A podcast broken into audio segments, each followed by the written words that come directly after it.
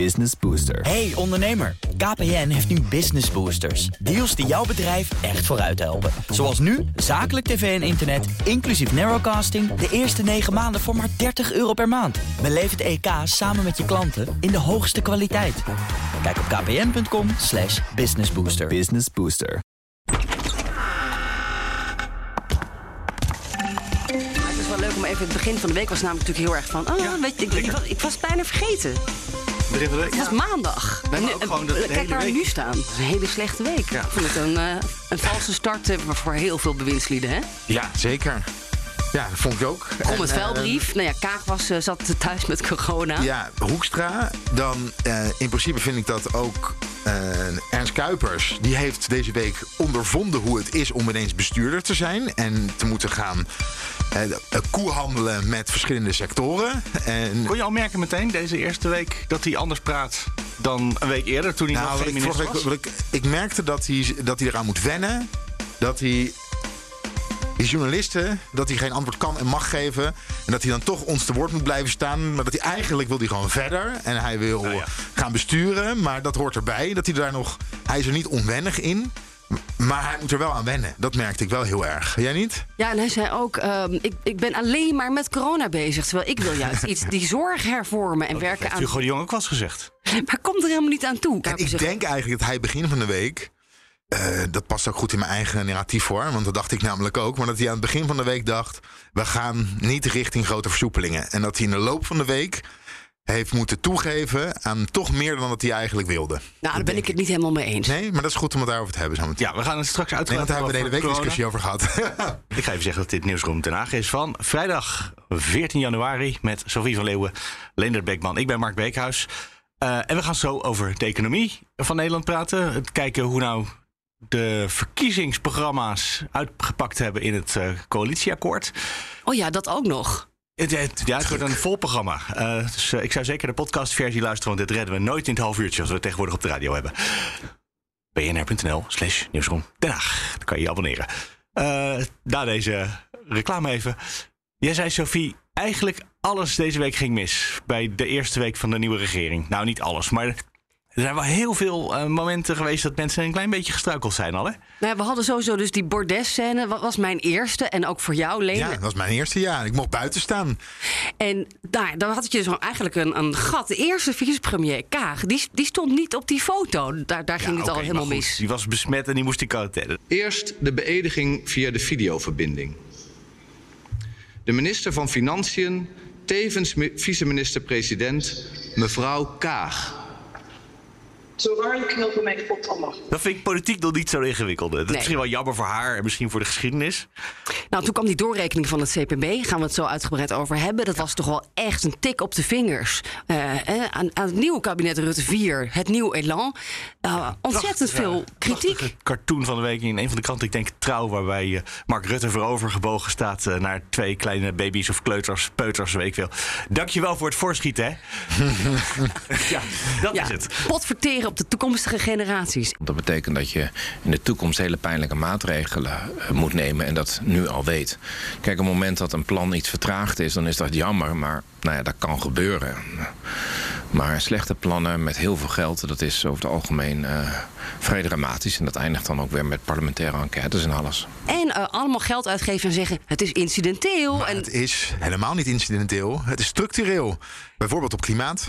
En de Tweede Kamer heeft er niks over te zeggen. Want we stoppen het in een fonds. En wat ook nog eh, een belangrijk punt is, is dat er natuurlijk in de toekomst wordt er meer of ja, minder meer uitgegeven aan de zorg. En ook daarover zegt het CPB, ja, dat moeten we eerst uitgewerkt zien, want anders accepteren we die bezuinigingen die jullie willen niet. We geloven het nog even niet. Dus het was meteen auw voor Rutte 4. Nou, toen kregen we de opstand van Nederland die dit weekend gaat plaatsvinden. Waarbij dus in het machtsvacuum waar we eigenlijk in zitten. Hè, we hebben nog niet echt een hele actieve ja, minister van Volksgezondheid. Zit er een paar dagen. En eh, de burgemeesters gaan los, de horeca gaat los. Alle ondernemers die, ja, die gaan gewoon open dit weekend. Ja, dan moeten we de minister van Justitie ook nog even noemen, hè? Die Oh, van ja. Want die is eh, ook nieuw en die kwam oh, ze is zeer onwennig over deze week. Wat is er misgegaan bij mevrouw Jezilgus? Deze week zijn er twee keer is er overleg geweest. Al voor, nee, voordat het katshuisoverleg was, uh, naar aanleiding van het OMT-advies. Er is twee keer overleg geweest tussen de bewindslieden over corona. Wat is, wat is, de, wat is de aanpak? nou, we hoorden natuurlijk al vanuit de winkeliers en vanuit de horeca. Wij gaan dit weekend open, want we kunnen onze broek niet meer ophouden. Uh, en Financieel gaat het slecht. Wij gaan gewoon open. We komen in opstand. Dus ik heb op dinsdag en op woensdag aan Jezielgus gevraagd. Mevrouw Jezielgus, minister van Justitie. Hoe gaat u dit aanpakken? Liggen er plannen klaar? Wordt er gehandhaafd? Uh, heeft u met de politie, met de BOA's gesproken? En dan krijg ik elke keer het antwoord: laten we even het uh, OMT-advies afwachten. Laten, laten we wachten op de besluitvorming. Maar ik had zoiets van: ja, maar je moet toch een plan hebben? We horen nu, dit weekend gaan wij open. En we horen ook dat burgemeesters van plan zijn om niet te gaan handhaven. Dan moet je, denk ik, een plan klaar hebben. Die had ze eigenlijk niet. Nee, nee je bent ook net zo ongewennig over. Dat ze niet wilden gaan handhaven. Wat, ik heb nog even teruggekeken, maar dat zei ze eigenlijk niet. Ze zei gewoon iets inhoudsloos. Nou, het, dat is heel interessant aan het, Wat is handhaven? Wat zij zei, is dat handhaving en de regels naleven ook iets voor onszelf is. En iets wat wij zelf moeten doen. Dat klopt natuurlijk ook. En ook bij het handhaven ga je actief handhaven als gemeente. Dus met, met je BOA's en met de politie ga jij bewust naar een winkel of naar een horecatent toe die open gaat om te kijken, zijn jullie open en boetes uitdelen? Of wacht je, kijk je of alles goed en ordelijk verloopt. En grijp je pas in op het moment dat het fout gaat. En volgens mij schurkte zij tegen het laatste aan. Zo van ja, de mensen hebben ook een eigen verantwoordelijkheid. En we gaan pas echt handhaven op het moment dat het misgaat. Want we hebben simpelweg de handjes niet om heel Nederland, op het moment dat alles van het slot afgaat, dus iedereen zegt we doen onze deuren open, om te gaan handhaven. Alleen het kwam er zo ongelukkig uit, waardoor iedereen over de heen viel, waardoor ze nog een brief naar de Kamer heeft moeten sturen gisteravond. Ja, handhaven is toch belangrijk. Ja, en, uh, maar ik kan het eigenlijk niet waarmaken, want ja, we hebben niet genoeg uh, handjes nee, om te handhaven. Precies. Maar ja, dat. Uh, Wordt vervolgd de komende ja, dagen. Beschadigt dit haar nu echt? Of is dit iets wat gewoon even een mediastorm is? En, uh, het is gewoon even een, ja, een, een, een eerste relletje uh, van, van, van het kabinet. Misschien eerste ook omdat er niks gebeurde. Want er is niet eens vergaderd deze week uh, in de Tweede Kamer. Ik bedoel, er gebeurde helemaal niks in de politiek Den Haag. En als dan één iemand een onhandige opmerking maakt... ja, dan is dat de enige opmerking die überhaupt gemaakt is. Ja, ook, maar je zit natuurlijk ook een beetje in een soort van vacuüm dus deze week. Ja, maar wat je ook van, zag... We kregen het, het lijstje wel... vorige week met... we kregen het lijstje met wie zijn nou de nieuwe ministers twee weken geleden. En dan werd er gelijk naar Jezielkus gewezen. Want dat was de minister op justitie. Die geen juridische achtergrond heeft. Dus geen rechten gestudeerd. En dat is zeer ongebruikelijk. Dus mensen vielen over de heen. Waarom moet zij daar op, die, op, die, op, op, op, op deze belangrijke post zitten? En nou is ook de eerste die kleine, klein, klein beetje struikelt. Dus dat is wel zeer ongelukkig, hoor, Sofie. Ja. Vind ik toch wel. En het politieke steekspel is gewoon nu meteen begonnen. We zitten in de eerste week Rutte 4. En ja, het is ook het doel natuurlijk van andere politici... om uh, nieuwe ministers zoveel mogelijk te beschadigen. Ja, ja dat klopt, ja. Nou, daar gaan we een beetje bij helpen, denk ik. uh, contact met uh, Wimar Bolhuis. Hallo, goedemorgen. En hier in de studio Sofie van Leeuwen en Leendert Beckman net ook al even gezegd. Wiemar, jij bent uh, de hoofdeconoom bij Ecoris. Hè? Dat is uh, jouw belangrijkste beroep waar mensen je van zouden moeten kennen inmiddels. Ja, en van uh, werkzaam bij de afdeling Economie van de Universiteit Leiden. Dus ik oh ja. natuurlijk ook een wetenschappelijk stuk. Dus ik denk dat mensen me daar eigenlijk nu nog meer voor kennen. Oké. Okay. En je hebt een stuk geschreven vandaag in ESB, het economenvakblad. Um, nou, mag ik zeggen dat ik denk dat ze bij de regering niet heel blij waren met dit stuk? Wat heb je geschreven? De begroting van de nieuwe coalitie lijkt misschien nog het meest op die van PvdA GroenLinks.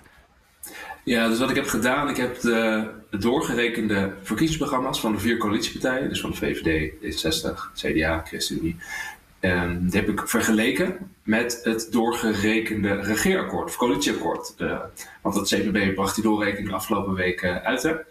En vervolgens hebben gekeken wat, de, wat het verschil tussen beide was. En het bleek heel duidelijk dat uh, het inderdaad zo is dat de uitgaven die deze nieuwe overheid doet, dat die uh, behoorlijk hoger liggen dan wat deze vier partijen in hun, uh, in hun, verkiezingsprogramma's op 1 maart nog lieten doorrekenen dat het Centraal Planbureau publiceerde. Dus het lag inderdaad het dichtst bij, dichtst bij GroenLinks eigenlijk. En het is ongeveer, het is ongeveer 60% meer uitgavenstijging dan uh, wat de ChristenUnie, wat de meest royale partij van deze coalitie was. Terwijl die partijen juist niet mee mochten doen, wie maar. Hoe kan dat nou? GroenLinks en de PvdA? Ja, nou, het, dit is precies wat je ziet in de, in het, in de analyse. Dat aan de uitgavenkant, daarom noem ik het, en dat is natuurlijk een grapje, noem ik het blog Rutte 4, het kabinet dat bij elkaar gekocht werd de uitgavenkant van de begroting die wordt heel erg eh, vergroot. Dus richting inderdaad een GroenLinks-kader. Maar je ziet het aan de belastingenkant van de begroting. Dat daar eigenlijk niet zo eh, heel veel gebeurt. Ik zeg het even huiselijk. Dus waar bijvoorbeeld GroenLinks en de Partij van de Arbeid hadden voorgesteld om de vermogensbelastingen behoorlijk te verhogen. En ook de belastingen voor bedrijven. Zie je dat deze coalitie dat, eh, dat niet doet. Sterker nog, als je nu kijkt naar de doelrekening het Centraal Planbureau, dalen de uh, lasten op, uh, op vermogen en winst. En ook trouwens de lasten op, uh, op milieuvervuiling, dus de klimaatlasten. Ehm, heeft ook ermee te maken dat het nog niet alles doorgerekend is, het Centraal Planbureau. Niet alle maatregelen konden worden meegenomen. Maar het is heel erg duidelijk dat op belastinggebied. Ja, dat, dat, daar is deze regering niet zo van. Dus de regering is van de uitgaven. Maar wie maar, dus ik kan even kort samenvatten. Deze regering gaat, of de, deze coalitie gaat heel veel uitgeven. Ja. Zonder dat er meer binnenkomt. Ja, dat zeg je eigenlijk goed. Uh, dus wat er gebeurt is dat uh, je kan het in historisch perspectief kan ik dit vergelijken. Dus ik zie dat als ik, uh, als ik kijk naar de uitgaven, de expansie van het kabinet, is dit uh, de grootste expansie die het kabinet heeft voorgesteld sinds in ieder geval 1986 dat ik terug kan kijken met de doorrekening van Centraal Planbureau uh, sinds die, in de datasets die ik heb. Dus dit is het meest, uh, meest ruime kabinet. Het gaat er vooral om de uitgaven komt. Er komt heel veel extra uitgaven. Maar het gaat dus niet naar lastenverlichting voor de burgers. Het gaat eigenlijk nee. meer naar de bedrijven, nee. zeg, hoor ik jou eigenlijk zeggen, hè? Ja, dus, dus totaal is het zo dat de lastenkant, uh, de totale lasten, niet veranderen. Dus dat, dat blijft op, op nul staan. Wat er gebeurt is een heel klein lastenverlichting voor, uh, voor, de, voor de burgers. Uh, volgens mij 1,4 miljard, een kleine uh, verlaging. En je ziet vervolgens dat bij de bedrijven dat daar een, een kleine verhoging wel aan de belastingen erin zit. Um, dus dat zie je wel, alleen dat is gewoon een heel groot, heel groot verschil met wat de partijen beloofden in het programma. Dus, Ze doen ook echt hele andere dingen dan ze ons bij de verkiezingen beloofd hebben. Ja, klopt. Dus um, je ziet inderdaad dat Um, nou, bijvoorbeeld, ik denk dat een goed voorbeeld is, uh, inderdaad de lasten voor het bedrijfsleven. Die stijgen nu uh, 1,3 miljard. Um, dat is een kleine stijging. Maar je ziet bijvoorbeeld dat D66 had gezegd dat de lasten met 13,5 miljard voor bedrijven zouden stijgen. Nou, dat, dat zie je in de verste verte niet terug. Het zie je bij de lastenverlichtingen voor, voor burgers, zie je dat ook. Dus er wordt 1,4 miljard lastenverlichting gegeven door dit regeerakkoord. Maar de VVD had 9,4 miljard lastenverlichting gegeven. En uh. Dus je ziet dat, dat op die lastenkant heel weinig gebeurt. En jouw punt, waarom zie je dan totaal wat anders terug? Ja, omdat eigenlijk je ziet dat de deal is geweest van op het moment dat D66 en ChristenUnie niet de lastenverhoging konden krijgen voor vermogen en winst en klimaatbelastingen, dan gaan we via de uitgavenkant van de begroting gaan we proberen uh, de klimaatdoelen te behalen bijvoorbeeld. Dus je ziet een enorm uh, extra uh, geldbedrag voor het klimaat de klimaatuitgaven staat. Dat is veel meer dan wat ze van tevoren hadden beloofd. Dat zie je ook bij de uitgaven van de sociale zekerheid. Die gaan fors hoger worden die dan uh, wat in het programma stond. En dan zie je eigenlijk al terug, ook op onderwijs zie je dat en ook op mobiliteit, dat het toch wel uh, is van, nou ja, CDA en VVD wil niet zoveel belastingen. Wat is de ruil dan? Nou, dat D66 bijvoorbeeld de uitgaven aan dus milieu en onderwijs heel veel extra's krijgt. En het ChristenUnie bijvoorbeeld aan de uitgaven sociale zekerheid heel veel extra's krijgt. Uh, dat is de, de, de, ja, politieke ja. deal. Die en dan kom je bij de conclusie uitgeeft. dat het bij elkaar gekocht is, want iedereen heeft gewoon iets gekregen wat geld kost. Ja, nou sterker nog, eigenlijk alle, alle uitgavenposten die je kan bedenken, komen eigenlijk hoger uit dan wat je op basis van de verkiezingsprogramma's uh, ziet. En Wimar, jij zegt nu van uh, de programma's die komen het dichtst, hè, wat er nu aan, in het coalitieakkoord allemaal uh, gepresenteerd is. Komt het dichtst bij de programma's van GroenLinks en Partij van de Arbeid. Volgende week gaat de Kamer in debat hierover. GroenLinks en van de Partij van de Arbeid zullen zeggen... ja, prima aan die uitgavenkant. Maar wat wij net zo belangrijk vinden... is juist die lastenverzwaring bijvoorbeeld voor bedrijven. En dat zit er helemaal niet in, dus wij kunnen ons hier helemaal niet in vinden. Denk jij ook dat het zo gaat lopen volgende week? Ik denk dat het uh, inderdaad die kant op, uh, op zal gaan. Kijk... Want je kan hier uh, als GroenLinks kan je tevreden zijn met, uh, in die zin met de uitgavenkant van de begroting. Maar ja, die partij wil bijvoorbeeld ook heel duidelijk de vermogensongelijkheid verminderen in Nederland. Dat doe je toch wel vaak met belastingen. Nou, daar gebeurt eigenlijk niet zoveel. Ze willen klimaatbeleid voeren met toch wel hogere belastingen voor de, voor de vervuilers. Hè? En die, die, dat zie je ook niet terug. Je zag heel duidelijk het verhaal dat we bedrijven meer zouden willen belasten. en dat is ook nou ja, niet zoveel als, als beloofd. Dus ik denk dat daar de discussie inderdaad over zou gaan. Ze hebben al eigenlijk een, een voorstel gedaan hè, om, om misschien tevreden gesteld te worden. Namelijk 3 miljard voor de AOW. Koppel die ook hè, aan de verhoging van de minimumlonen. Dus ja, je, je ziet de uitruil al aan de horizon. Denk je niet? Ja, dat is natuurlijk klopt. Dat, want het is natuurlijk wel zo dat, kijk, pleiten voor hogere belastingen, hogere vermogensbelastingen, klimaatbelastingen, is nu niet per se uh, een heel populair standpunt om dat nu als verweer tegen het regeerakkoord uh, in te brengen. Maar inderdaad, dat de coalitie nu verkiest om de AOW los te koppelen van de stijging van het minimumloon, dat is wel een, uh, nou ja, in ieder geval historisch gezien een politiek explosieve optie. Want je ziet eigenlijk altijd dat uh, aan de AOW zitten, dus bijvoorbeeld de, de leeftijd uh, forse verhogen of de uitgaven, het niveau van de uitkering bevriezen, dat levert altijd wel, wel gedoe op. Dus inderdaad, ik denk dat je zag al in Nieuwsuur afgelopen week dat zowel Pieter Omzicht als Joost Eertmans als um, inderdaad Ploemen van de Partij van de Arbeid allemaal zeiden, er moet iets met de AOW gebeuren. Dus dat zal de grote discussie worden, zeker. Ja. Ja, klopt, klopt. Helemaal eens. Dat, dat wordt het grote debat. We zijn ook weer een jaar verder. Er is een jaar lang onderhandeld. Uh, de, de coronacrisis heeft een jaar langer volgehouden dan we een jaar geleden dachten. Is het misschien ook, ja, is dit misschien ook gewoon wat we nu nodig hebben, wat je nu moet verwachten? Nou, het is vaak zo hè, dat, uh, dat inderdaad natuurlijk een periode zit tussen de presentatie van het programma's en dan volgens het, uh, het G-akkoord. Dus heel duidelijk wat je hier ziet is dat gewoon de vooruitzichten voor de staatsschuld en voor het tekort van de rijksbegroting zijn echt wel verbeterd. Sinds 1 maart tot zeg maar nu de, de formatieperiode. En dat zie je dat de partijen hebben gebruikt. Ze hebben gezegd van oké, okay, de uitgangspositie voor staatsschuld en voor het tekort. Dat gebruiken we eigenlijk om heel veel extra uitgaven te doen. Uh, ja, dat, dat is een, een politieke dynamiek die je, die je altijd ziet. En ja, je, je kan ook zeggen in die zin van uh, het wordt inderdaad benut, het wordt gebruikt, er is uh, vooruitschrijdend inzicht. En ook gewoon het, de, de wetenschap van ja, als we niet de politiek, politieke deal konden krijgen die we eigenlijk wilden, dan is dit waarschijnlijk de, de second best. En dan gaan we het hiermee. mee het is niet zo dat de wereld inmiddels zo veranderd is dat dit, dit akkoord gewoon noodzakelijk is, zou ik maar zeggen, gewoon economisch gezien. Nee, economisch gezien is het sowieso geen noodzakelijk akkoord. Ik denk dat het politiek gezien wel heel duidelijk een noodzakelijk akkoord is geweest. Want dit is de enige manier om blijkbaar een coalitie door te zetten. Het is natuurlijk een, akkoord wat het, het feest vreemde is dat dit akkoord gewoon diametraal tegenovergesteld is aan de uh, financieel-economische beleid van de Rutte 1 en de Rutte 2 kabinetten. Dit is echt gewoon totaal de andere kant op. Um, dus het was gewoon vooral politiek nodig. En economisch gezien, ja, nee, we weten dat op het moment dat je bijvoorbeeld klimaattransities wil maken en je wilt naar een schonere economie, dan weet je dat klimaatbelastingen het meest uh, effectieve en efficiënte maatregel zijn. En dat is juist geen wat niet in dit akkoord staat. Dus vanuit economisch perspectief is dit niet de, de beste uh, optie. En vandaar ook uh, het opiniestuk in de NRC afgelopen weekend, waar ik een van de zeven economen was waarvan we zeggen, ja, er wordt, gaat gewoon geld verspild worden. De, die kans is heel erg aanwezig. Dit is niet het meest uh, effectieve en doelmatige regeerakkoord. Nee, mensen die daar meer over willen weten, moeten even luisteren naar de Nieuwsdag met uh, Koet Teulings. Die, maar mag ik nog even één stapje terug? Jij zegt uh, sinds de, toen de programma's doorgerekend werden en nu is er voorschrijdend inzicht, waardoor er meer geld uitgegeven kan worden. Kortom, het gaat iets beter met de economie. Dat klonk, toen ik dat, toen ik dat las, dacht ik, dit is heel opportunistisch. Hè? Er is in een hele korte tijd is er, heel, is er wat veranderd. Nou, dan kunnen we heel veel meer geld uitgeven. Maar het CPB zei ook. Als er bijvoorbeeld, en dat is misschien de meest reële dreiging nu, een rentestijging komt, dan uh, gaat, gaan al deze plannen nog veel duurder worden dan dat, we, uh, dan dat ze nu begroot zijn. Dus kortom, met een kleine verandering kan ook alles weer heel erg tegenvallen. Voor de volgende generatie, ja. onze kinderen. Ja.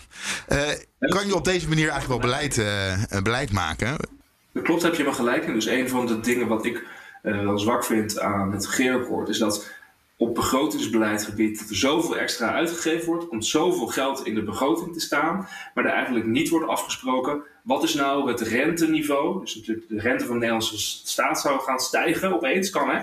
Wat is nou het renteniveau dat we denken, oeh, nu wordt het gevaarlijk. Wij moeten, wij moeten dit, eh, dit, dit niet meer doen, want de financiële markten vertrouwen ons niet meer bijvoorbeeld. Of dat is het inflatieniveau waarvan we denken, oeh, misschien moeten we dan eh, deze uitgaven niet meer doen. En dat zie je dat het, dat dat, niet, uh, dat dat niet uitgewerkt is. Dus die risico's, die, uh, die zijn er zeker, ja. Dat is heel erg Mark Rutte, die dingen uitstelt tot hij ze moet kiezen.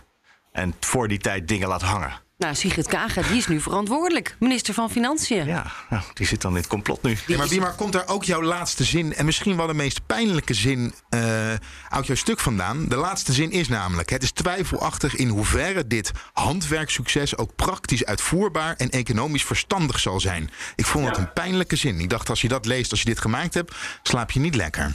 Eh, nou, dit, is, de waarschuwingszin. Dat, dat je ziet inderdaad, eh, ik kan vanuit de politieke economie, vanuit de politieke realiteit, kan ik heel goed verklaren waarom dit het akkoord geworden is. En waarom dit de politieke deal is geworden. Dat hebben we net besproken met elkaar. Maar tegelijkertijd weten we ook dat ja, zoveel geld beschikbaar stellen, is gewoon de vraag, kan je dat uitgeven? Let op de arbeidsmarkt bijvoorbeeld. Hè. We weten gewoon, er, zijn, er is tekort aan technisch personeel. Er is al een hele krappe arbeidsmarkt. Al die woningbouwplannen, al die klimaatplannen, al die landbouwplannen, ehm, eh, heel veel infrastructuurplannen. Kunnen we die investeringsplannen wel echt uitvoeren? Is dat uitvoerbaar?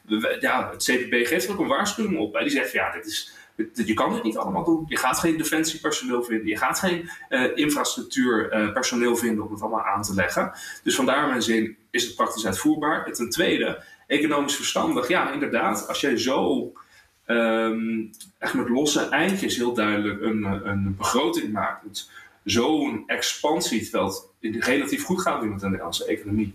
ehm, dan kan je je afvragen, inderdaad, wat dat, eh, wat dat doet met eh, nou, bijvoorbeeld in dat discussie over latere generaties. Wat moeten die ervan betalen? Of wat doet dit met de renteniveaus?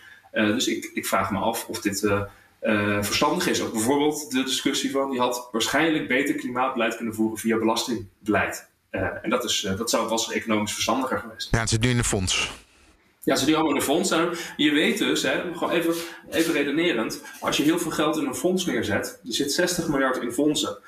Uite- Uiteindelijk zijn dat subsidies. Want je geeft het als overheid uit voor bijvoorbeeld verduurzaming of vergroening of uitkoop van boeren. Er gaat, wat in ieder geval gaat gebeuren is dat er mensen eh, heel erg rijk gaan worden met dit geld de komende jaren.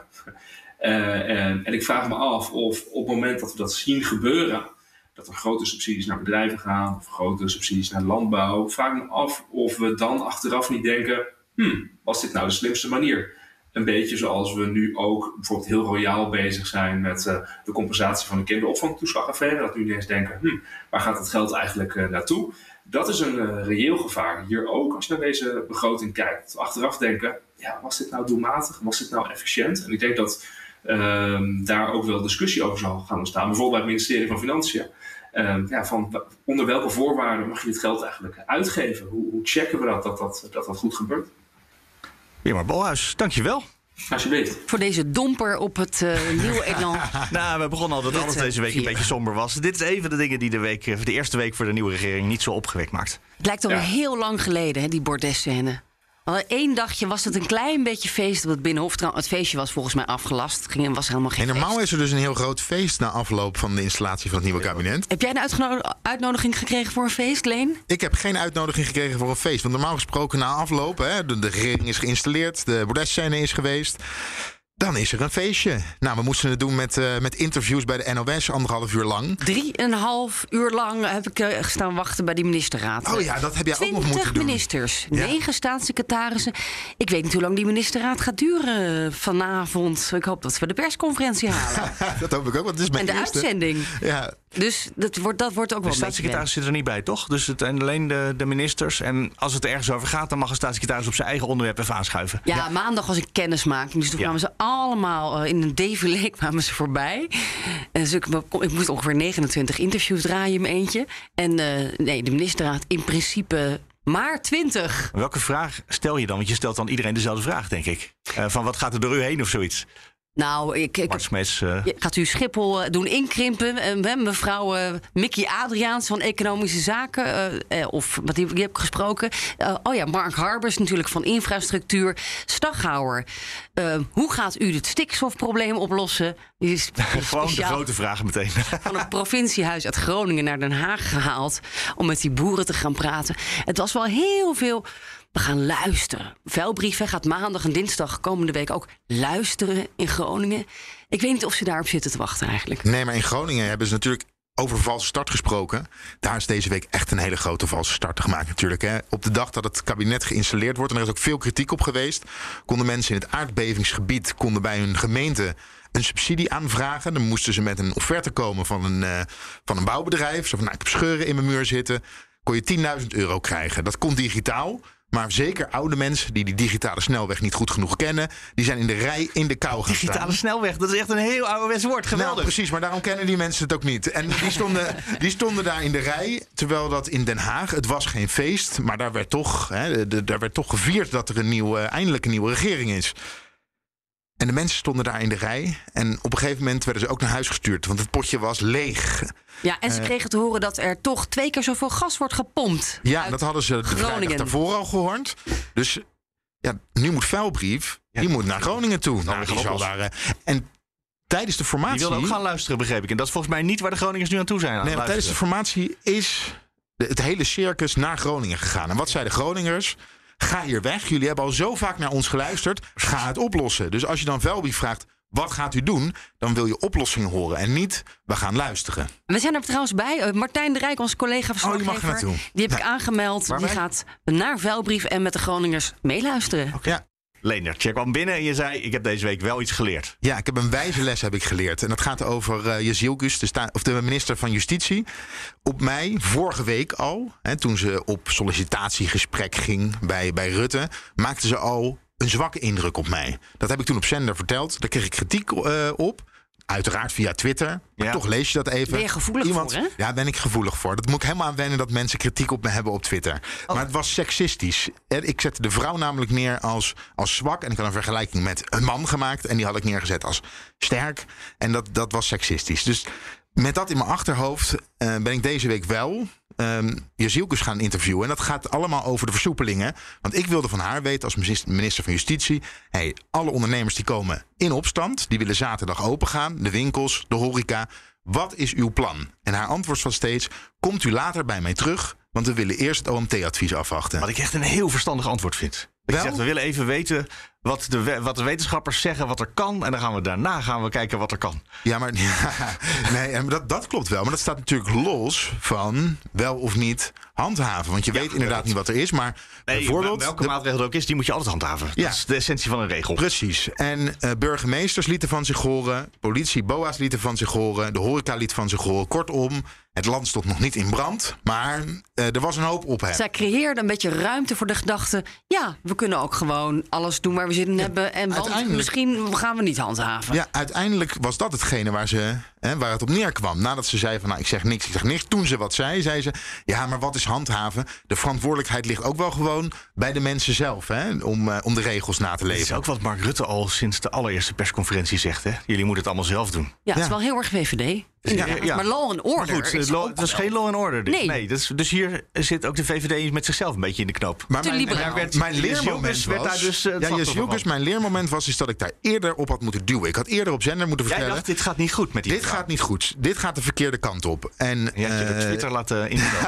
Ja, en je, nog je- je was een- geïntimideerd. Een beetje, een beetje. Ja. En, eh, Dus dat moet je gewoon niet dus doen. Je moet gewoon eigenwijs denken, hier, gaat, hier, zit, hier zit iets met Dit die gaat mevrouw. niet goed. Ja, want ik zei tegen Sophie de hele tijd... Jezielkus komt zwak over. Die gaat zo meteen een foutje maken. En uiteindelijk gebeurde Binnen dat. een week. Ja, dus dat vond ik jammer dat ik op zender toch niet zei van... hey, let op, die Jezielkus, die heeft het volgens mij niet helemaal onder controle. Maar er was een krant waar jij tot voor kort nog werkte. Ja, die het dat, eh, Dagblad, deed. die eh, deed het wel, ja. En toen was ik dus te laat met mijn betoog. Ah, maar het is toch fijn dat je oude collega's daar eh, gewoon Ja. wel ook hetzelfde zagen. Alle, alle eer voor Niels Klaassen. Heb je ook iets geleerd van de week, Sophie?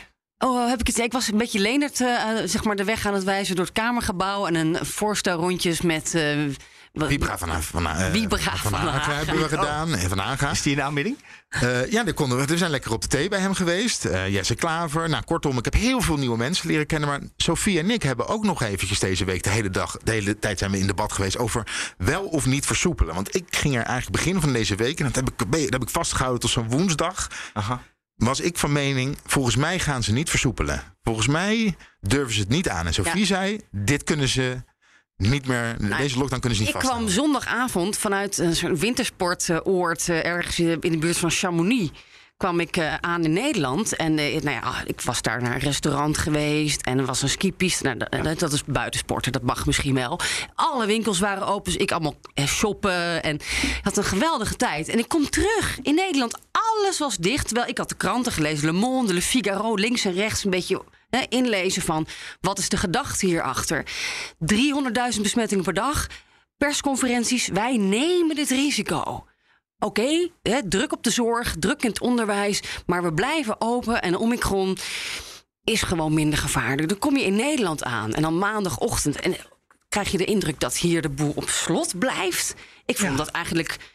Ik vond dat gewoon best, wel onverantwoord en, en raar. doen ze iets heel anders dan wij. Daar dwingen ze je zo'n beetje een vaccin te nemen. Dat is, die president is daar eh, lekker mee bezig. Terwijl hier eh, hebben we besloten dat we solidair met z'n allen dan een lockdown prefereren. Boven te zeggen, nou ja, als je geen vaccin hebt, mag je niet naar de winkel. Of mag je niet naar de bioscoop. Eh, dat willen we hier niet. De, de Fransen hebben daar een iets radicalere, Ja. rabiatere oplossing voor gekozen. Dat doen ze in meer landen. Dus je kan natuurlijk zeggen, ja, in Frankrijk is alles open. Klopt, maar daar hebben ze wel andere maatregelen dan wij hier nemen. Die hier om de een of andere reden onbespreekbaar zijn. Ja, nee, daar heb, je, daar heb je geen partij zoals de ChristenUnie of de SGP... die dan hè, de meerderheid weigeren te geven in het parlement. Bovendien heeft de assemblée toch niet zoveel te zeggen in Frankrijk. En is Macron eigenlijk de koning van Frankrijk. Maar die wil natuurlijk ook herkozen worden bij de presidentsverkiezingen binnenkort. Eh, ze hebben ook geen geld meer om nog een lockdown te betalen... want de sta- staatsschuld is opgelopen tot 120 procent of, of nog hoger. Dus er zijn allemaal redenen om dat niet te doen. Maar toch kwam ik hier aan en ik, toen ben ik maar meteen intuïtief gaan roepen op de zender maandag. Van, nou, dit is niet houdbaar. Kijk naar de landen om ons heen. En eh, Spanje riep, had het over een griepje. En eh, je, hebt- je hebt natuurlijk de, de UK waar iedereen naar kijkt. Je hebt de grensregio's waar massaal geshopt wordt in België. En Duitsland. Dus je zag het in de loop van de week helemaal misgaan. Wat- Ik vroeg Kuipers daar natuurlijk al meteen op dag één naar.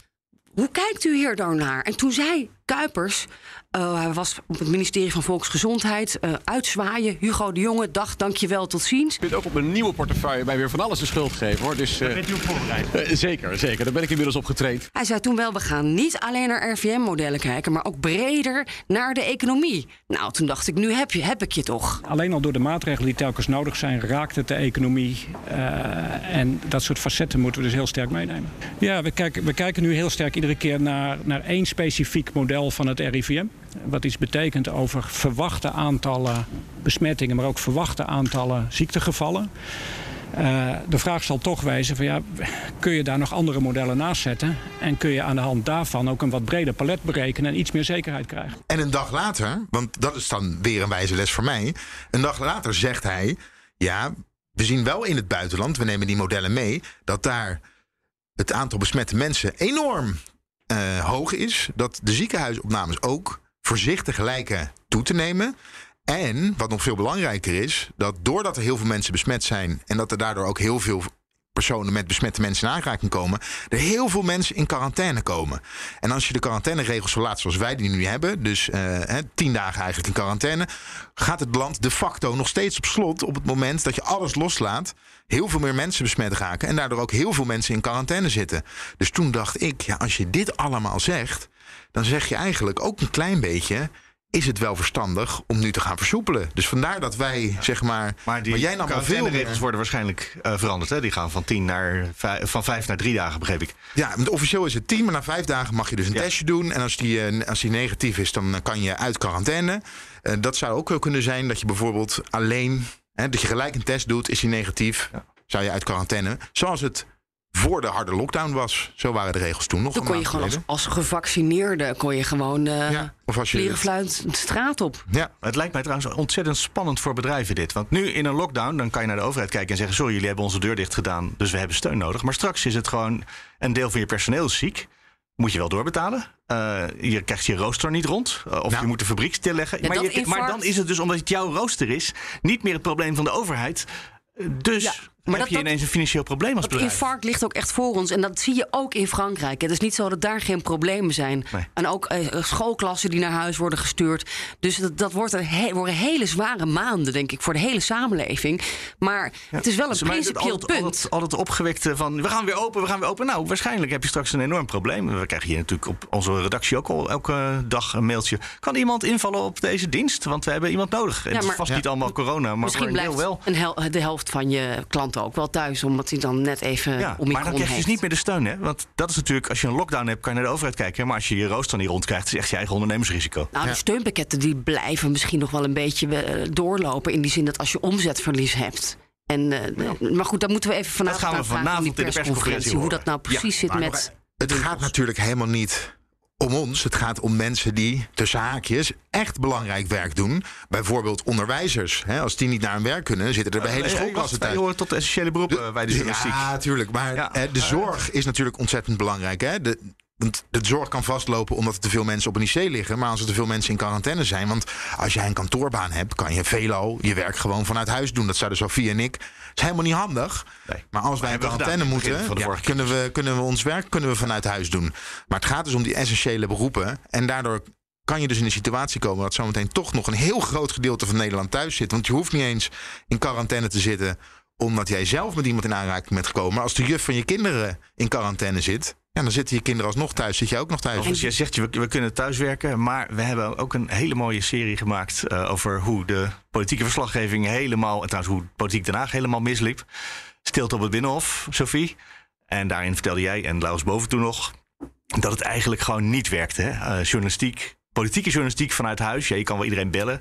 Maar als je Ja. in de gang mensen tegenkomt, moeten ze met je praten. En de telefoon hoeven ze gewoon niet op te nemen. Dat heb ik ook Leen deze week geprobeerd te laten zien. Dat ook al was het best wel rustig in de Tweede Kamer. Als je daar bent en je hebt dan de wandelgangen. Je komt allerlei mensen toevallig tegen. Gert-Jan Segers, en Bikker. Hij is Mhm. het corona-woord voor de ChristenUnie bij de lift.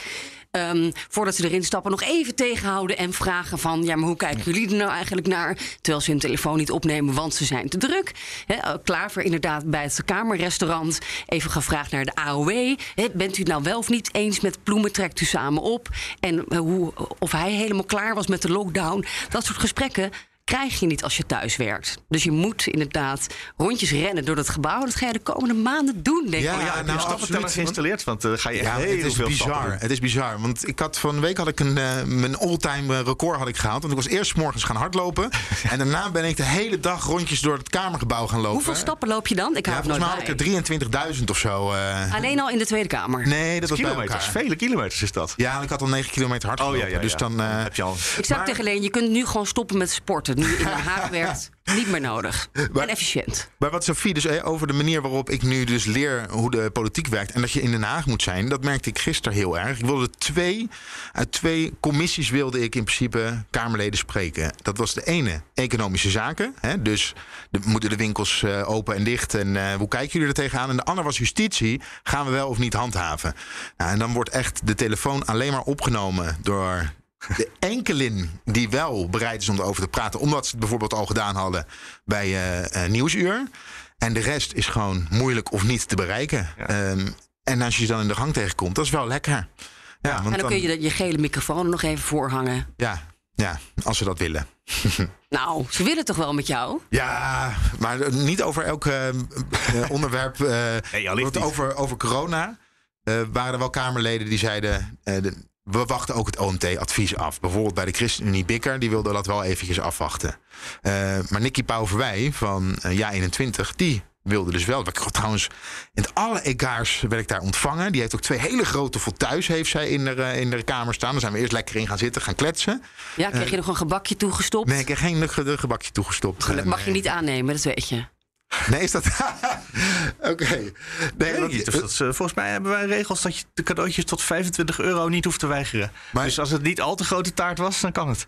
Maar jij zegt, je hoeft niet te sporten. En je begint nu over gebakjes. Maar ik sprak ook, en ik zal, ik zal de naam niet noemen. Ik sprak een andere politiek verslaggever in Den Haag eh, deze week. Die toevallig iets afgevallen was. Dus ik zei tegen hem, volgens mij ben jij afgevallen. Maar die vertelde ook zo, ja Leen, je moet oppassen hier in Den Haag. Want in principe is de stelregel een pak maat per jaar komt erbij. dacht ik van, oké, dat sporten Sophie, dat ga ik er voorlopig nog wel eventjes inhouden. Werkte die bij de NOS of zo? Als je, als je bij ons werkt, dan is dat niet zo. Dan moet je zo hard rennen. Hij werkt wel bij de publieke omroep. Ja, maar dat- dan gaan we niet verder. eh, niet verder. Oh, dan weet ik al wie dat is. nee, bij, bij BNR blijven we slank. Noodgedwongen. We kunnen nog heel even kort hebben over de ministers met een eh, valse start, denk ik dan, of niet? Eh, welke minister? Hadden we nog niet gehad? Ja, Hoekstra zit ook eh, in quarantaine. Die heeft corona, Oh ja, maar goed. ja. Wat ik nog bijzonder vond, daarvoor heb ik nog wel eventjes naar eh, VWS gebeld, naar het ministerie, van hoe zit dat nou? Want eh, Hoekstra die heeft ook gewoon met heel veel mensen in een kamer gezeten. Moeten die dan niet in quarantaine? Zeiden ze, nou, we zijn niet overal bij geweest, maar in principe eh, anderhalve meter en eh, eh, niet langer dan een kwartier dicht bij elkaar. Dus dat, eh, dat, dat hoeft in Ik principe. hoor wel dat bij het ministerie van Buitenlandse Zaken, hè, zijn, zijn nieuwe baan, dat daar wel een paar mensen in quarantaine zitten. Dus binnen de ambtenarij is, is het toch wel kleffer dan op het bordes geweest. De koning ging ook niet in eh, quarantaine, hoorde ik. Dus dat, die was kennelijk ook op voldoende afstand. Terwijl hij toch vrij dicht naast premier Rutte stond, dacht ik. Ik weet niet of die eh, bij de mogelijk besmette hoorde. Nou, misschien heeft hij een zelftestje gedaan. Ja. Ja, vast. En, Maar dat, eh, dat is niet relevant. maar eh, Hoekstra over valse starten gesproken mist dus zijn eerste belangrijke top in Brest, Frankrijk. Eh, Frans voorzitterschap. De informele raad van de ministers van Buitenlandse Zaken gaat over grote dingen. Oekraïne, ook China, Japan en natuurlijk de hele energiegascrisis toestanden. Ja, dat mist hij nu. Dat is wel Mag hij ja, dan niet op jammer. afstand meepraten? Is dat echt fysiek daar alleen? Dat is fysiek. En ehm Ollongren, de nieuwe minister van Defensie, is wel er, er naartoe gereisd. Oh Ook om te praten over de samenwerking. eh, dat willen de Fransen heel graag. Een Europees leger misschien, maar in ieder geval nauwere samenwerking van de defensiekrachten binnen de Europese Unie. Nou ja, ehm, dus dat is jammer voor Hoekstra dat hij die heeft gemist. Maar volgende week eh, mag hij hopelijk weer uit quarantaine. Oh ja, en misschien nog één andere valse start. Toch weer even terug naar Kaag. Minister van Financiën, nog niet echt ingewerkt, denk ik. Zit ook eh, vanaf, vanaf een schermpje Ja, dat te ook, doen in quarantaine. thuis. Eh, maar kreeg ook eh, ja, toch een, een bom uit Parijs op de dak. eh, zo deze vrijdagochtend dat we deze podcast opnemen, meldt de Franse pers dat eh, vanuit Parijs eh, Pieter Elbers van KLM gewoon op straat is gezet. En eh, het heel interessante Nederlandse pers. zij nog schreef heel erg gisteren van nou, ja, hij stopt ermee na zijn tweede termijn. Dus zijn personeel vindt het heel jammer. Hij heeft het goed gedaan, heeft zich goed ingezet voor de belangen van KLM. Maar in Frankrijk zijn ze toch een stukje beter geïnformeerd. Hij is gewoon gewipt. Want eh, hij wil niet meewerken aan de plannen voor toch meer hè, integratie, hervorming, meer macht naar Parijs.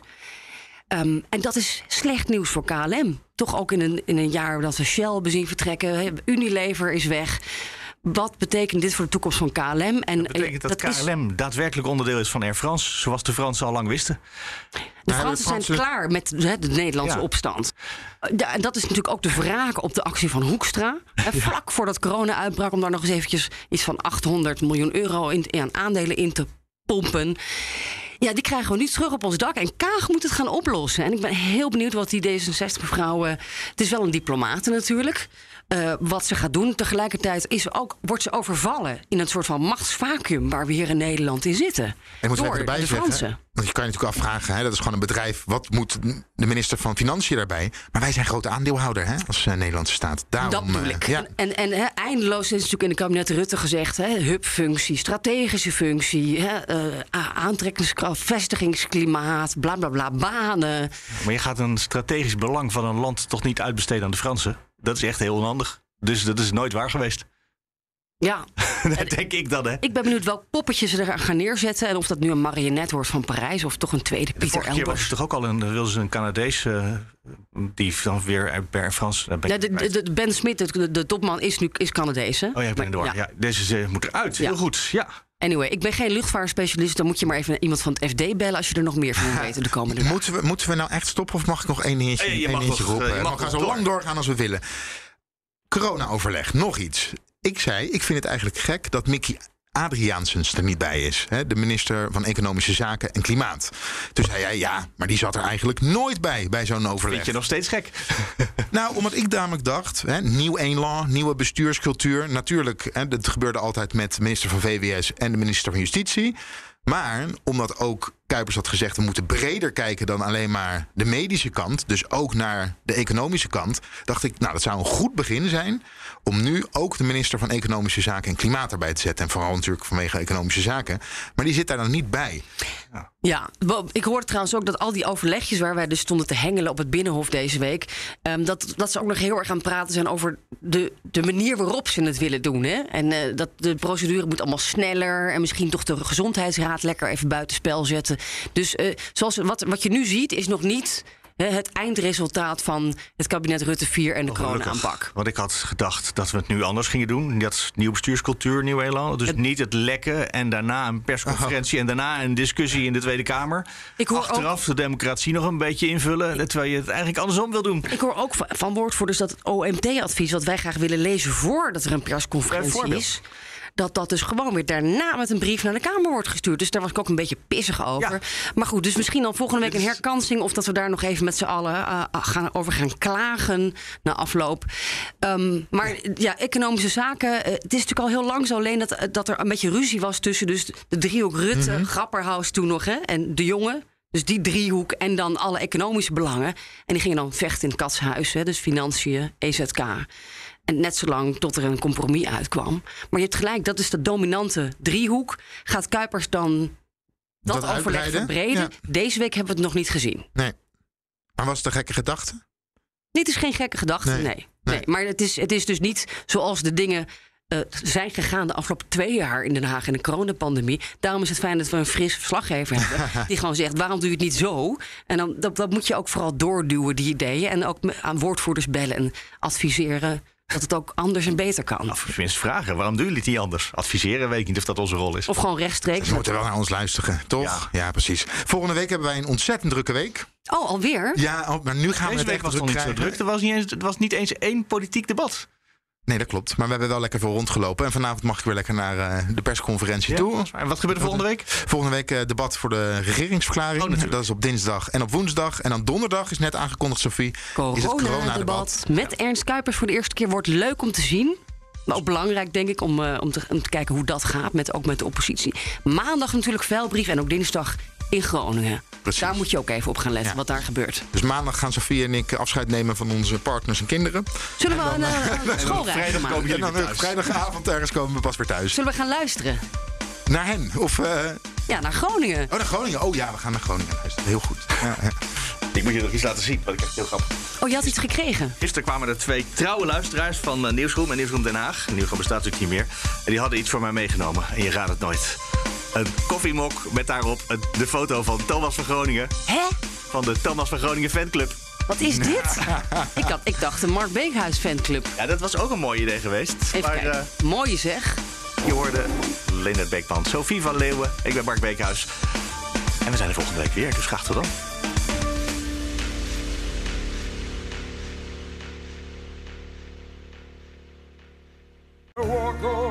Hardlopen, dat is goed voor je. En Nationale Nederlanden helpt je daar graag bij. Bijvoorbeeld met onze digitale NN Running Coach... die antwoord geeft op al je hardloopvragen. Dus, kom ook in beweging. Onze support heb je. Kijk op nn.nl slash hardlopen.